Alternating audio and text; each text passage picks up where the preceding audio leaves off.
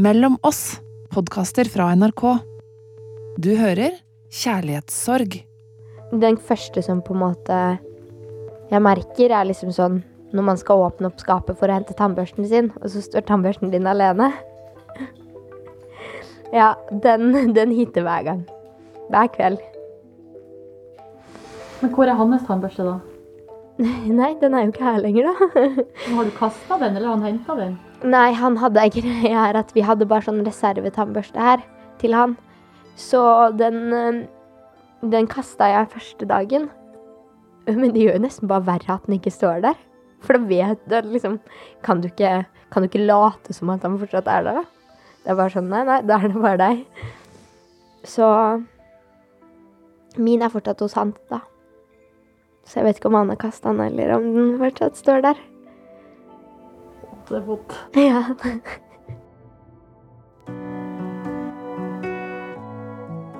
Grunnen til at sorg tar lang tid, er at vi går liksom rundt med hele vårt sosiale liv som et slags sånn uh, luftslott inni hodet. Det er jo en revolusjon i dette her også. Vi skal kjempe for dette med nebb og klør. sant? Jeg følte jeg hadde hitta på en måte falt helt ned i kjelleren og forbi der, liksom. Jeg var sånn Nå, nå orker jeg ikke mer. Det, er, det blir for mye, hele greia.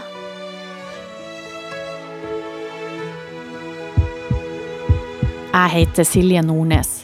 I forrige episode i denne serien om kjærlighetssorg snakka vi om det sjokket et brudd kan være. Og vi lærte om hvorfor det gjør vondt i hjertet. I denne episoden skal vi konsentrere oss om et helt annet organ, nemlig hjernen. Jeg møter Henriette elleve dager etter at det var slutt med kjæresten. De ble enige om å gå fra hverandre, men Henriette har det veldig vondt allikevel. Ja, det er jo sånn Når man har vært sammen Vi har jo vært sammen i ett og et halvt år ish. Um, det er jo så mye sånn småting man har gitt til hverandre. Som Eller småting man har minner rundt, da. Jeg har jo, jeg har jo sånn klær som han har gitt til meg. Og jeg vet jo på en måte at det er gitt med kjærlighet, men det er, jo vanskelig å se på nå, da. Um, så er det jo Det er så irriterende at det er liksom Uansett hva det er, så kan det minne om han. Du kan se liksom du, du kan se et gresstrå, så kan det være sånn Å, nei! Hvorfor tenker du på det, liksom? Hjertet sier ja, men hjernen sier nei, er det noe som heter. Men glem hjertet nå. Det er faktisk hjernen som får det til å gjøre vondt når Henriette gang på gang blir minnet på at eksen ikke er der lenger. Det er vi sånn. Ja. Ja, du vil snakke om kjærlighetssorg. Det her er Siri Leknes ved Universitetet i Oslo. Og hva som skjer når, eh, når vi Har det. har det. Skal vi se, jeg skal bare finne lappen min. Siri er hjerneforsker og driver en hjernelab. Og da kjenner jeg at jeg vil ha klare svar på akkurat hva som skjer inni hjernen når man går gjennom et brudd. Men Siri mener at hjernen er litt for kompleks til det. Jeg kan ikke gi deg en én-til-én-kobling med liksom den hjernecellen snakker med den hjernecellen, og derfor kjenner du det på en viss måte. Vi tror at det må være sånn der, fordi uten hjerne så finnes du ikke. De fleste hjerneforskere tror det. Sånn at alt kommer fra denne rosa klumpen, som er litt sånn nesten sånn geléaktig og helt sånn løs. når den den ser grå ut på alle de hjerneskanningsbildene, ikke sant? men den er egentlig bare rosa og litt sånn, så myk at du kan røre rundt i den. Den skjer visstnok. Høres helt utrolig ekkelt ut. um, de estimerer at, at hjernen har liksom fremdeles kanskje 500 signalstoffer som vi ikke engang har oppdaget ennå. Jeg kan bare gjette at det er så mange som er uoppdaget. Så det skjer innmari mye, både i hjernen og i kroppen. En Men sånn helt liksom, konkret idet du på en måte får beskjed om at 'jeg går fra deg', eh, så reagerer du jo med stress. ikke sant? Da mobiliserer du. Eh, Så da er du stappfull av kortisol og adrenalin og andre på en måte mer sånn stresshormoner. Og blant dem så innebærer det at du også frisetter oksytocin og endorfiner. Jeg tror masse, masse andre stoffer. Og akkurat hva hvert av de gjør, det er det noen som uttaler seg om, men jeg, da syns jeg de tar feil. Det Ok. syns jeg er for tidlig. Ja. Hvordan da? Nei, det, der, der er det så innmari mye vi ikke vet, at det, det blir eh, uryddig.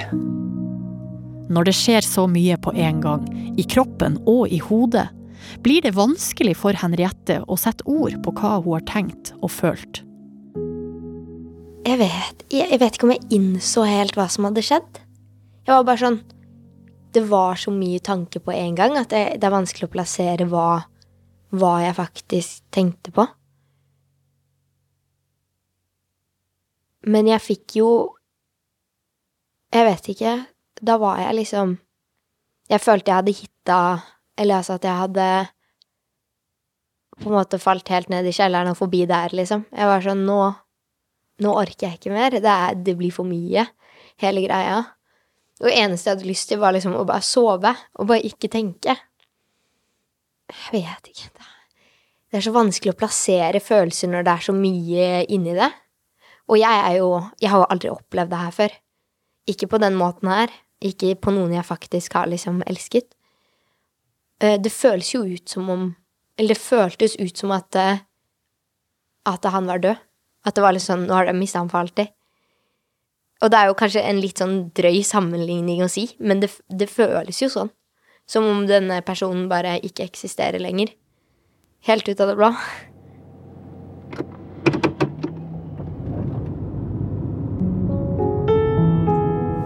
Vi slo jo opp i bilen, ikke sant?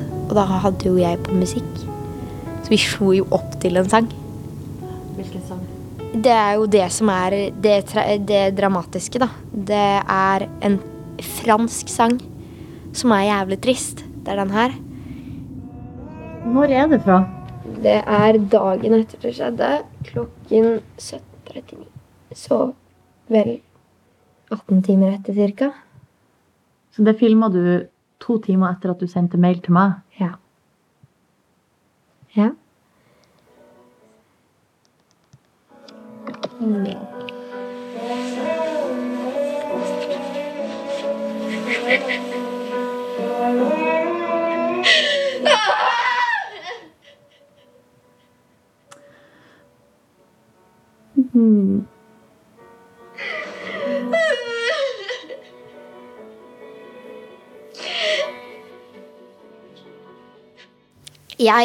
Jeg ehm, Jeg skal helt ærlig si at det var fysisk vondt i hjertet.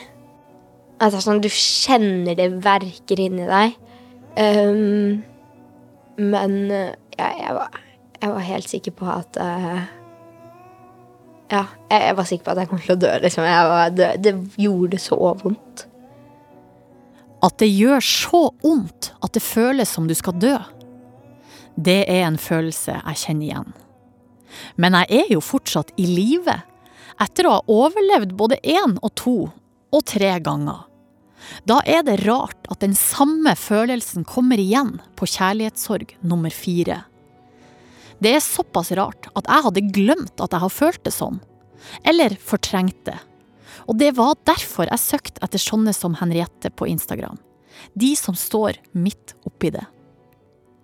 Psykolog Simen Fjelstad Holm har en forklaring på hvorfor vi føler det sånn. At det står om livet.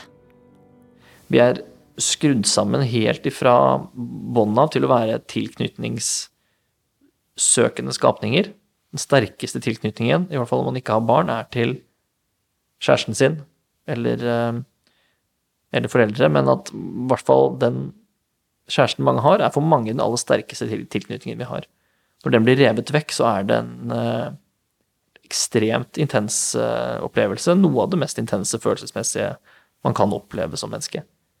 Fordi vi er fra naturens side skrudd sammen til å være søkende til dette her. Vi skal gjøre dette til det viktigste i livet vårt, fordi det er, eh, det er trygt. Og det er sånn vi får eh, holde arten vår gående, da. Det er jo en lur revolusjon i dette her også.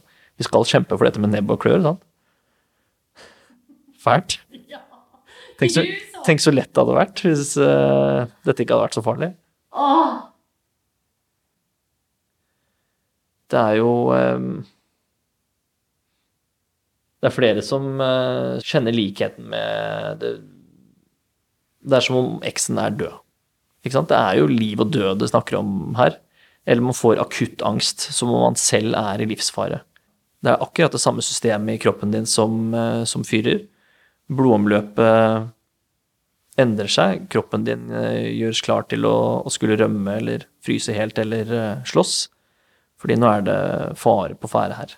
Og det er jo fordi du har tolket denne situasjonen som at nå er det noe farlig her. Fordi jeg har mista noe som kanskje holder meg oppe. Eller jeg har mista fremtiden min. Alt er plutselig revet vekk, og jeg, er redd fordi jeg vet ikke hva jeg skal gjøre. Men det er en helt akutt redselsfølelse som kan sammenlignes med noe fysisk livsfarlig ute i verden. Det er godt å høre psykolog Simen si det her. At det er ekte. Fordi jeg har følt meg stakkarslig og tenkt at jeg burde ha takla det bedre. Men det at vi reagerer sterkt på at et forhold tar slutt, det kan bety at vi bare er skrudd sammen på riktig måte. Ja. Det betyr bare at du er et, ehm, et sunt, tilknytningssøkende menneske som har jo klart det som er ehm, det viktigste for oss, vil mange si, og det skumleste å etablere Altså, du, du har klart å finne en, eh, et fremmed menneske der ute, og gjøre det til eh, det aller nærmeste og viktigste du kanskje har i livet ditt, og du har klart å overtale en andre person til å gjøre akkurat det samme med deg. Det er jo egentlig eh, en ganske drøy ting å få til. Så hvis det plutselig blir revet vekk, det er klart det skal være et helvete. Det Det er lov, altså. Sånn eh, Sånn må det være. Det er ikke ynkelig. Henriette og kjæresten ble enige om å gå fra hverandre, men likevel gjør det veldig vondt. Jeg har også vært innom den der varianten. Men uansett hvordan forholdet var, eller hvordan bruddet skjer, kan savnet etterpå være like stort. Jeg tror det har mye med at man føler seg så alene. Det er jo sånn, Jeg er jo glad i han, det er ikke det. Men jeg tror veldig mye av det har at det, at det er en person som er borte av livet, uansett hvem det er, egentlig. Var dere venner i tillegg til å være kjærester? Ja, vi Ja. Ville vel sagt det. Altså, han var jo, han jo, var jo min beste venn, liksom. Og det er vel det som kanskje er det verste, tror jeg. Og liksom Jeg vet ikke.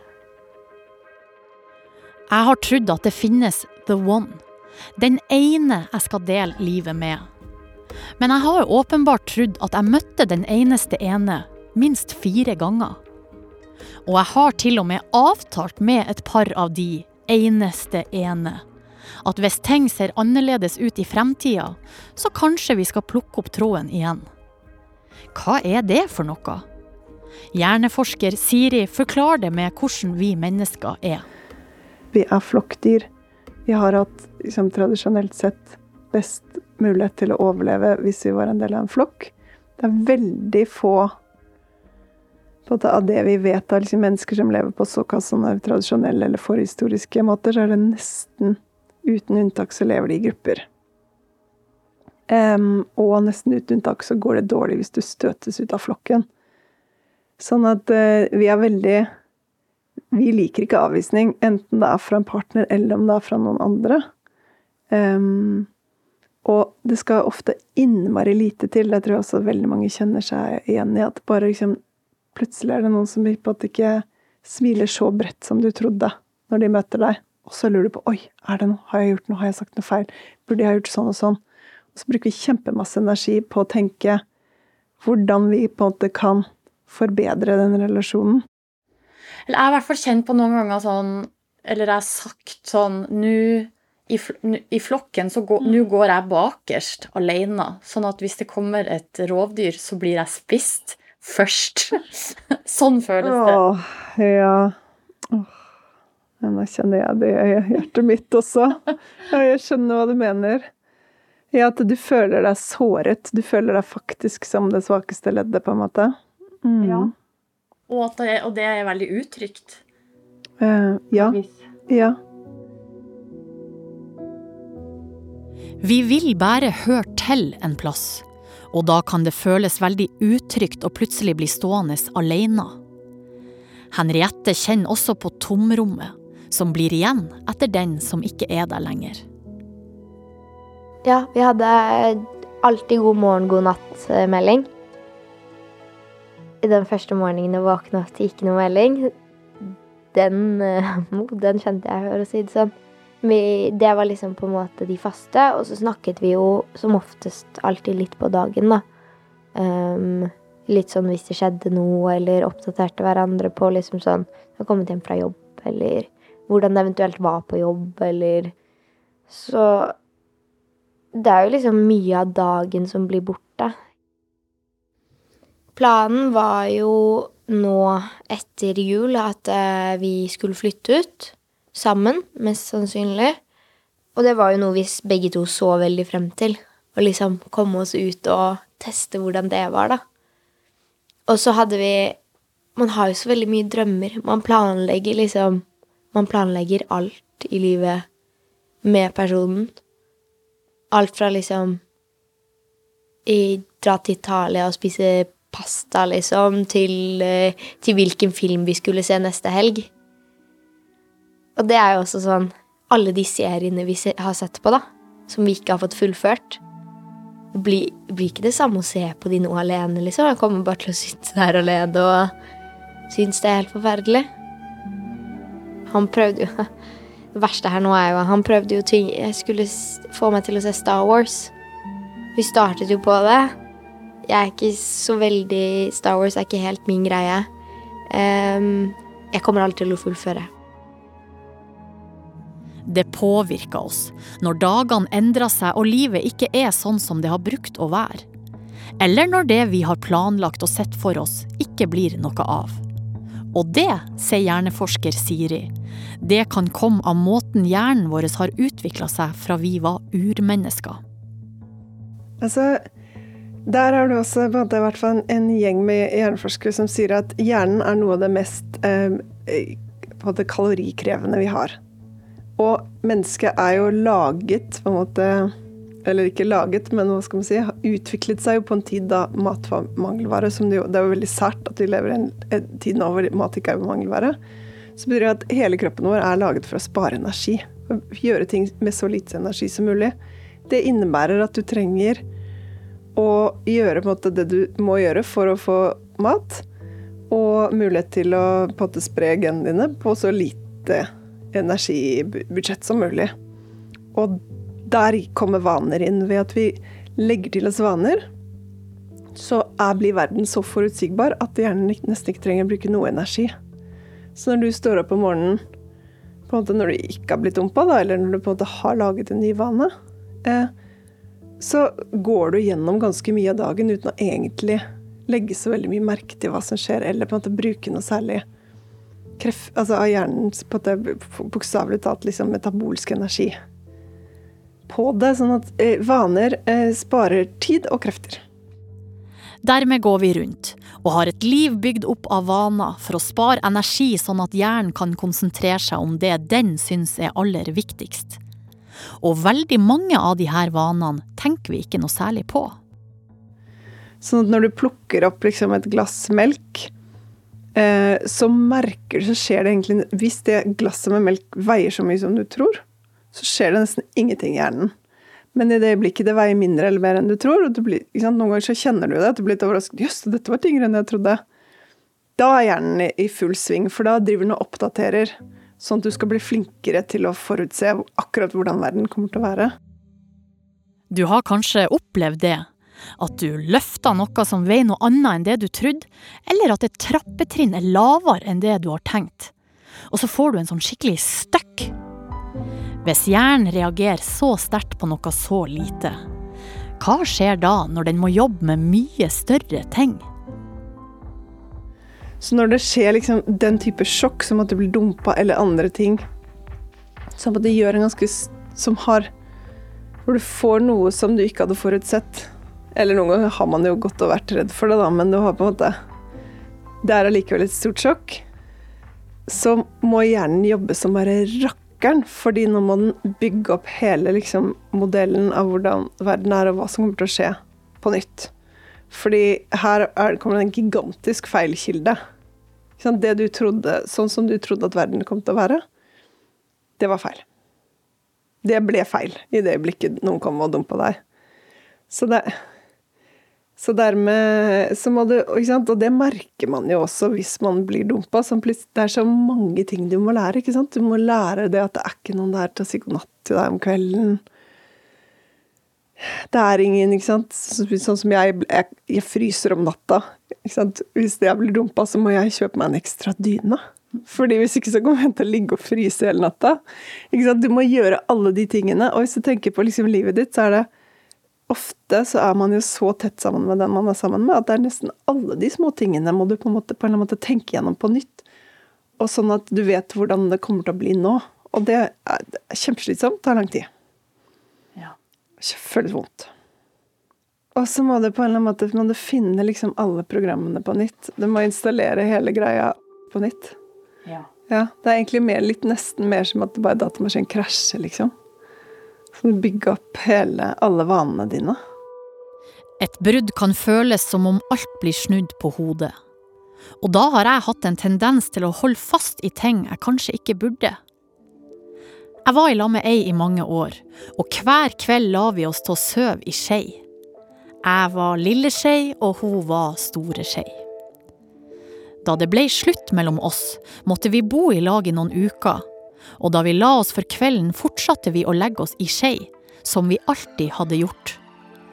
Det var nok et forsøk på å klamre seg til siste rest av normalitet, når alt annet var kaos. Men jeg trodde vi gjorde det fordi det vi hadde hatt, var så spesielt. Og nå er jeg kanskje desillusjonert, men det var ikke spesielt. Det var en vane. Et dataprogram. Eller et luftslott. Grunnen til at på sorg tar lang tid, er at vi går liksom rundt med hele vårt måte, sosiale liv som en slags sånn Hva skal man si? Som et slags sånn uh, luftslott inni hodet. Altså, det er på en måte der det egentlig er. Sånn vi føler oss nær andre mennesker. Noen ganger kan vi føle oss nær mennesker vi ikke har truffet på kjempelenge. Uh, og type noen ganger så kan du høre at noe fælt har skjedd med noen du kjente da du var barn. Og så blir du ordentlig lei deg, til tross for at dette er kanskje et menneske du ikke har truffet på 20-30 Altså gudene vet kjempe, kjempelenge. sant? Og det handler om på en eller annen måte så har du liksom gått og hatt et bånd til den personen oppi hjernen din. Som du kanskje ikke har tenkt noe særlig på, men det har på en måte vært der. Og så må du justere om på din mentale verden. Fordi den personen da kanskje ikke fins lenger, eller på en måte har skjedd noe med den personen. Og den prosessen tar lang tid. Fordi La oss si at på en måte så bærer du hele verden rundt inni hjernen. Eh, og når, må, når det skjer store endringer, så er det krevende å på en måte justere verdensbildet ditt tilsvarende. Og så er det kanskje litt ekstra fælt akkurat med kjærlighetssorg, fordi at det var ikke bare noe som hendte, dette var noe som noen valgte. Det er noe som på en måte noen har gjort med vilje. Um, sånn at du kanskje føler deg litt ekstra motarbeida, da. Jeg har aldri tenkt på at vi går rundt her med hvert vårt luftslott oppi hodet. Det er jo en slags forklaring på hvorfor vi oppfatter situasjoner så forskjellig. Men det gjør det jo ikke noe mindre ondt. Og det er akkurat det. Når det står på som verst, er det en mager trøst å være rasjonell. Følelsene er ikke rasjonelle, og smerten vi føler er helt ekte. Noen ganger er det eneste som hjelper å få tankene over på noe annet. Midt i kjærlighetssorgen dro Henriette på tur til Krakow med ei venninne. Det er eh, den desidert den beste turen jeg har vært på.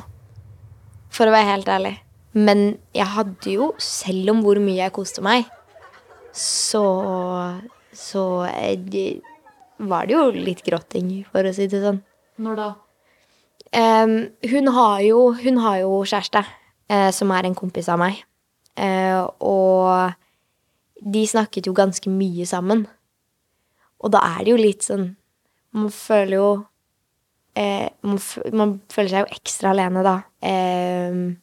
Jeg kan jo ikke si nei, nei, fordi jeg har kjærlighetssorg, så kan ikke du snakke med typen liksom. Det er jo litt å ta i. Og så siste dagen, eh, litt før vi skulle ta flyet, da, da knakk det. For da var jeg sånn, da gruer jeg meg så mye til å dra hjem igjen. Fordi i Polen så er det sånn, det er jo ingenting der som kan minne meg om han. Det er liksom sånn, De gatene her er nye, det her er nytt, ingen kjenner han. det er, Jeg er liksom en ny meg. Så kommer jeg liksom tilbake, og så er, så er liksom til de gamle, samme gamle traktene, da. Hvor alt minner meg om han, liksom. Og det er i vår fysiske verden. Men hva med på internett og sosiale medier? Når jeg snakka med Henriette elleve dager etter bruddet, har hun fortsatt bilder av eksen på Instagram. Jeg har ikke klart å slette den, da. Hvordan skal du gjøre det? Jeg vet ikke. Jeg føler på en måte jeg, jeg, Siden de ikke endte dårlig, så setter jeg jo fortsatt veldig stor pris på han, og han er jo en del av livet mitt. Og jeg skjønner ikke, jeg skjønner ikke helt den greia å slette en person ut av livet ditt bare fordi dere ikke er sammen lenger. Um, så jeg vurderer å bare la det være der, egentlig. Jeg føler Og så er det litt sånn der når du først sletter det, så er det jo helt over, da. Det er liksom Da var det det. Mm. Jeg vil jo ikke at han skal forsvinne helt. Uansett om vi er sammen eller ikke. Men går du tilbake og ser på bildene? Ja, jeg, jeg, jeg gjør jo det. Jeg har jo Jeg sjekker jo Det verste er det der. Jeg sjekker jo hans profil for å sjekke om han har slettet bilde av meg. Det er den, den, den loopen der. Går og sjekker. Uh, den har jeg, jeg har bare gjort det to-tre ganger. Men, men, Og det er jo der fortsatt. I hvert fall sist jeg sjekket. Uh, men jeg gruer meg til, hvis han sletter det, hvordan det kommer til å påvirke meg når jeg sjekker. Det, det, det kommer jo ikke til å Det kommer bare til å gjøre mer vondt, så jeg skjønner ikke hvorfor jeg lar meg selv sjekke. Jeg fikk lyst til å spørre deg om du kunne sjekke nå, men det er litt dårlig. Skal jeg gjøre det? Jeg kan gjøre det. Ja, Hvis du, hvis du vil. Ikke. Det verste er jo hvis han har gjort det nå, da. da. Vi kan sjekke.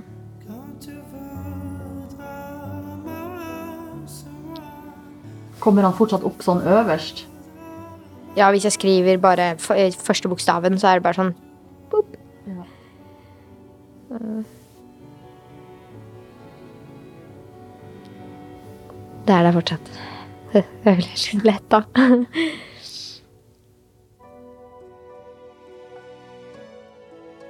Det er små og store ting som minner om alt som var før. Og det å skulle tilpasse seg en ny hverdag, det er noe vi mennesker er ganske gode på. Men det kan være veldig, veldig slitsomt. Og i tillegg kommer følelsen av å være alene. Såra og sårbar bakerst i flokken. Nå skal jeg høres veldig kynisk ut. Si. Fordelen med det er at da gir du jernet for å komme deg ut av den situasjonen hvor du kjenner deg så sårbar. Fordi det kjennes farlig, og der kan du ikke være. I neste episode handler det om Martin. Han har virkelig gitt jernet for å komme seg ut av kjærlighetssorgen. Jeg kjøpte eh, seilbåt, symaskin, landeveissykkel. Altså det var sånn, det var bare Det er helt de tre s-ene, som jeg kaller det. Sykkel, seilbåt, symaskin. Eh, jeg kjøpte nytt Sonos lydanlegg. Jeg måtte ha en god lyd. Altså, jeg bare Jeg måtte ha påfyll, da. Masse kjærlighetsbøker. Serien Kjærlighetssorg er laga av meg, Silje Nordnes. Produsenter har vært Line Alsaker og Thomas Aune. Lyddesign av Merete Antonsen. Musikken er spesialkomponert av Einar K. Five. Redaktør er Ida Jevne. Du har hørt en podkast fra NRK. De nyeste episodene hører du først i appen NRK Radio.